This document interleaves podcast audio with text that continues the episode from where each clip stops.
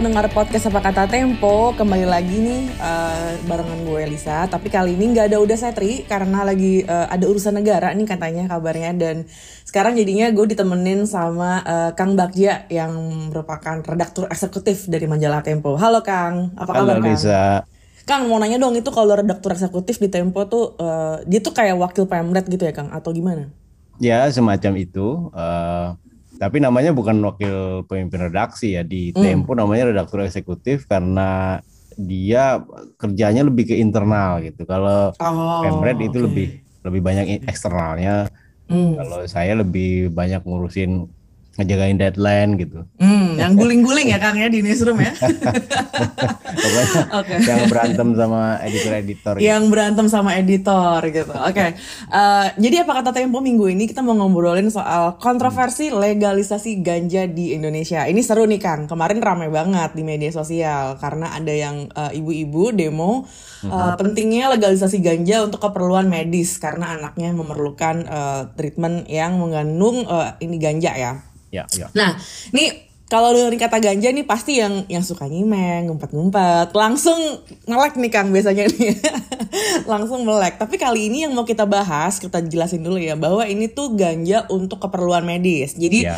eh, untuk keperluan pengobatan bukan untuk hura-hura ya, Kang ya. Jadi dari awal nih kita udah jelas nih gitu.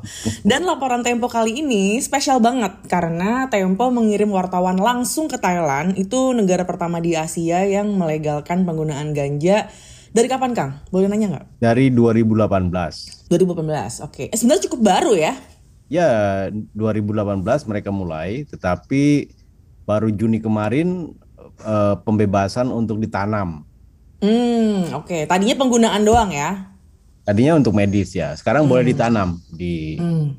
di, Ya, ya, di ya. ke- kebun rakyat ya. Oke. Nah, ini selain liputan soal ganja, majalah Tempo juga mengeluarkan editorial yang intinya tuh mendukung pelegalan ganja di Indonesia. Wah, ini legalize it nih kalau ya, Legalisasi ya. untuk untuk ganja medis ya, untuk, untuk pengobatan. ganja medis. Ya, Ya, bukan uh-uh. sekali lagi bukan untuk hura-hura. Bukan hura-hura ya, bukan hura-hura. Dan jadi berdasarkan eh, regulasi di Indonesia, Hmm. ganja itu termasuk narkotik golongan pertama. Ya. Eh, itu artinya yang paling berbahaya ya golongan pertama. Dan kita mau membedah nih alasan di balik opini tersebut. Tapi sebelumnya eh, aku mau nanya dulu nih, Kang, tentang laporannya nih seru banget sampai ngirim reporter nih ke ke Thailand gitu kan. Itu apakah berhubungan dengan kemarin ada yang viral? Eh, ibu-ibu di Bundaran HI itu yang bawa papan eh, anakku butuh ganja medis atau gimana nih Kang? Latar belakangnya apa nih? Iya kan kalau di jurnalistik perlu ada peg ya, artinya Hmm. ada pemicunya. Ketika Ya. kita mau menulis eh, sesuatu isu itu perlu ada pegnya. Hmm. Uh, Nah, PEG itu ya si ibu yang demo itu menjadi PEG. Nah, Hmm. kemudian kita apa dapat info bahwa ba- pada Juni kemarin Thailand baru saja melegalkan penanaman ganja, bahkan Hmm. mensubsidi pemerintahnya eh, bibit-bibit ganja kepada masyarakat gitu. Sehingga eh, rasanya ini menarik mengapa Thailand yang apa namanya negara di Asia gitu Mm-mm. eh, melegalkan ganja walaupun sejak Hmm.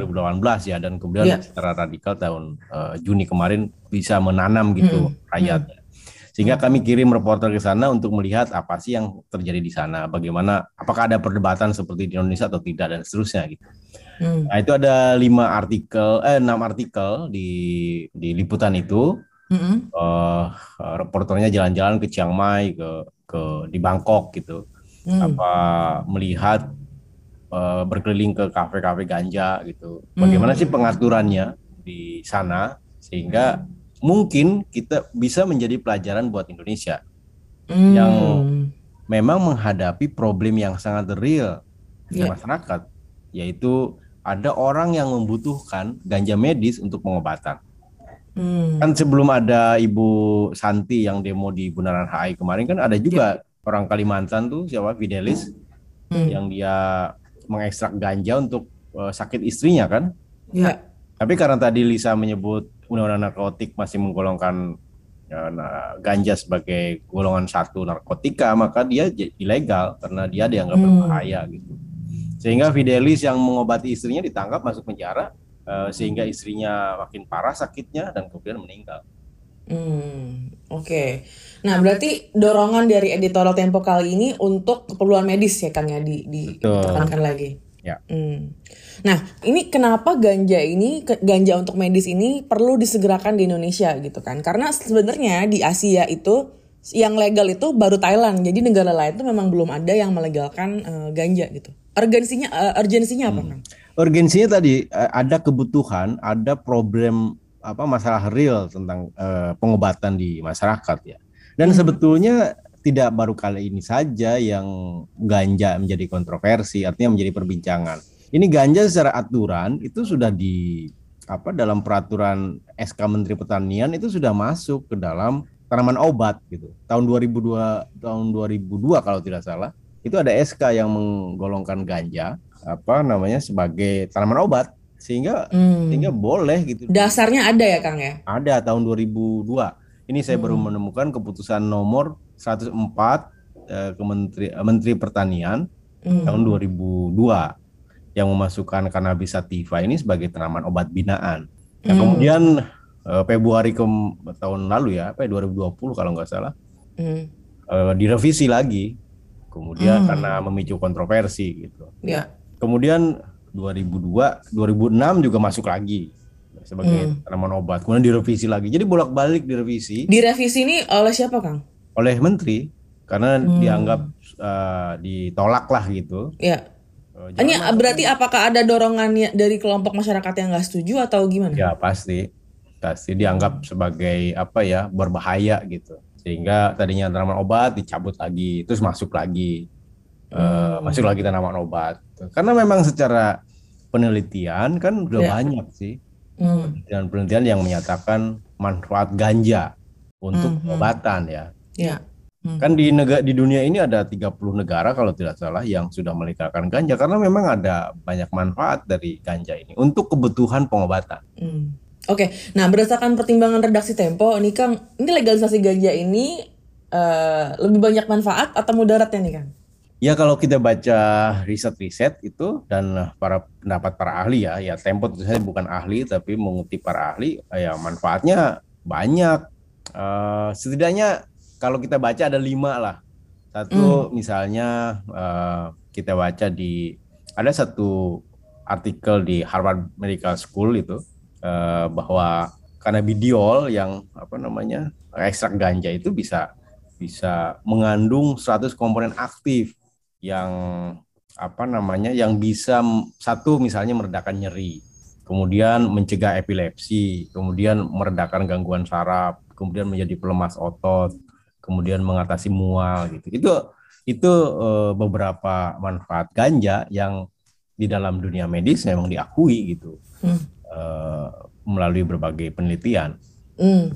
Oke, okay. nah Kang ini Tempo dapat informasi uh, apakah ada ini ya, maksudnya um, ada permainan nggak Kang di balik uh, jalan terjal pelegalan ganja medis di Indonesia? Iya, ya, ya permainannya karena itu ya ada ada pro kontra gitu. Uh, misalnya kemarin siapa kita wawancara itu kan BNN, mengapa uh, apakah akan melegalkan ganja gitu? Kata BNN-nya jangan coba-coba mau legalisasi ganja gitu. Terus pertanyaannya adalah itu kalau orang yang sakit di apa namanya diobati dengan ganja gimana?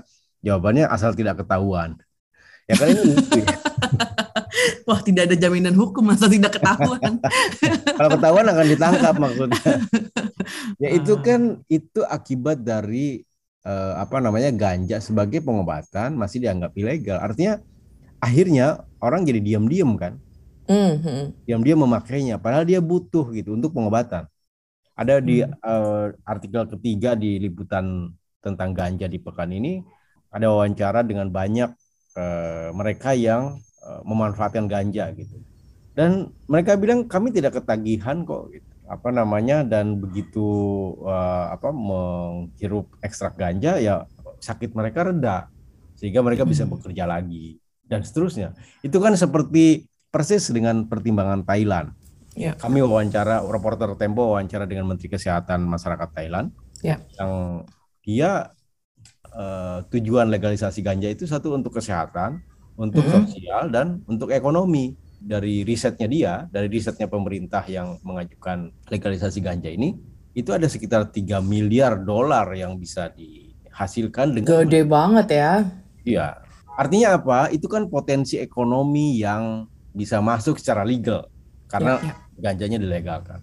Hmm. Nah, sekarang kan eh, ketika ilegal kan pemakainya ada sehingga mereka menjadi ilegal kan pemakaiannya dan pemakaiannya bukan untuk pengobatan tapi untuk hura-hura tadi itu. Akibatnya apa? Terjadi underground economic Hmm. di ekonomi bawah tanah gitu. Hmm. Yang itu tidak tercatat di pajak. Hmm. Sama seperti dulu ya, zaman Pak Ali Sadikin Gubernur Jakarta, dia kan melegalkan judi. Pertimbangannya sederhana, kalau judi dilarang, maka orang yang melakukannya itu akan diam-diam. Akibatnya pemerintah tidak bisa menarik pajak dari dari perjudian gitu. Nah, begitu Hmm. jadi legal, eh, diatur, diregulasi oleh pemerintah hanya di tempat tertentu saja, umurnya hanya tertentu saja, kemudian mereka harus bayar pajak gitu. Nah ini sama seperti ganja kan, begitu ilegal Hmm. dia menjadi underground economy. Tapi ketika dia legal menjadi pengobatan dan seterusnya, itu kan bisa me- apa, mendorong ekonomi. Kira-kira gitulah. Hmm. Ada orang misalnya yang berobat tidak perlu ke Thailand kan, Ya. tidak perlu devisa keluar gitu dari Indonesia. Dia di dalam aja karena eh, ganjanya tersedia di dalam negeri gitu. Oke. Eh, Kang, ini kan Wapres Maruf Amin sudah minta eh, MUI untuk mengkaji fatwa ganja untuk medis gitu ya. Em, jadi kalau nanti udah legal nih kan kita apakah agenda ini kan medis nih ya. Kalau agenda untuk rekreasinya tuh kira-kira gimana tuh Kang? Ya rekreasi itu nanti saja lah ya. Ini Hmm. yang penting eh, kita menolong rakyat Indonesia sendiri yang memang memerlukan ganja untuk pengobatan. Hmm. Karena memang hanya itu atau hanya dengan ganja untuk sementara Ya. eh, penyakitnya bisa disembuhkan gitu. Kan Hmm. kan orang yang sakit masa tidak ditolong ya rakyatnya sendiri gitu. Ya, ya. Nggak aku nanya soalnya kan kemarin nih liputannya Tempo kemarin ke Thailand juga ada apa ya semacam liputan ke eh, pemanfaatan ganja untuk rekreasi gitu. Jadi Ada, ada. ya itu dan apa sisi ekonominya di situ kan. Ada orang yang Hmm. memerlukan. Mungkin tidak untuk sakit. Kalau di Thailand ya, mungkin tidak Iya. untuk sakit, tapi ya untuk rekreasi seisap dua isap gitu. ya. Eh, tapi kan itu sangat ketat diatur. Tidak boleh keluar dari Hmm. tidak boleh apa namanya ngisep. Wilayahnya ya. Ya itu hanya di kafe itu dan Hmm. apa namanya eh, eh, volumenya di dibatasi gitu. Hmm, hmm, Itu bisa diatur dengan begitu. Ya, Sehingga kan menjadi membuka lapangan pekerjaan tuh.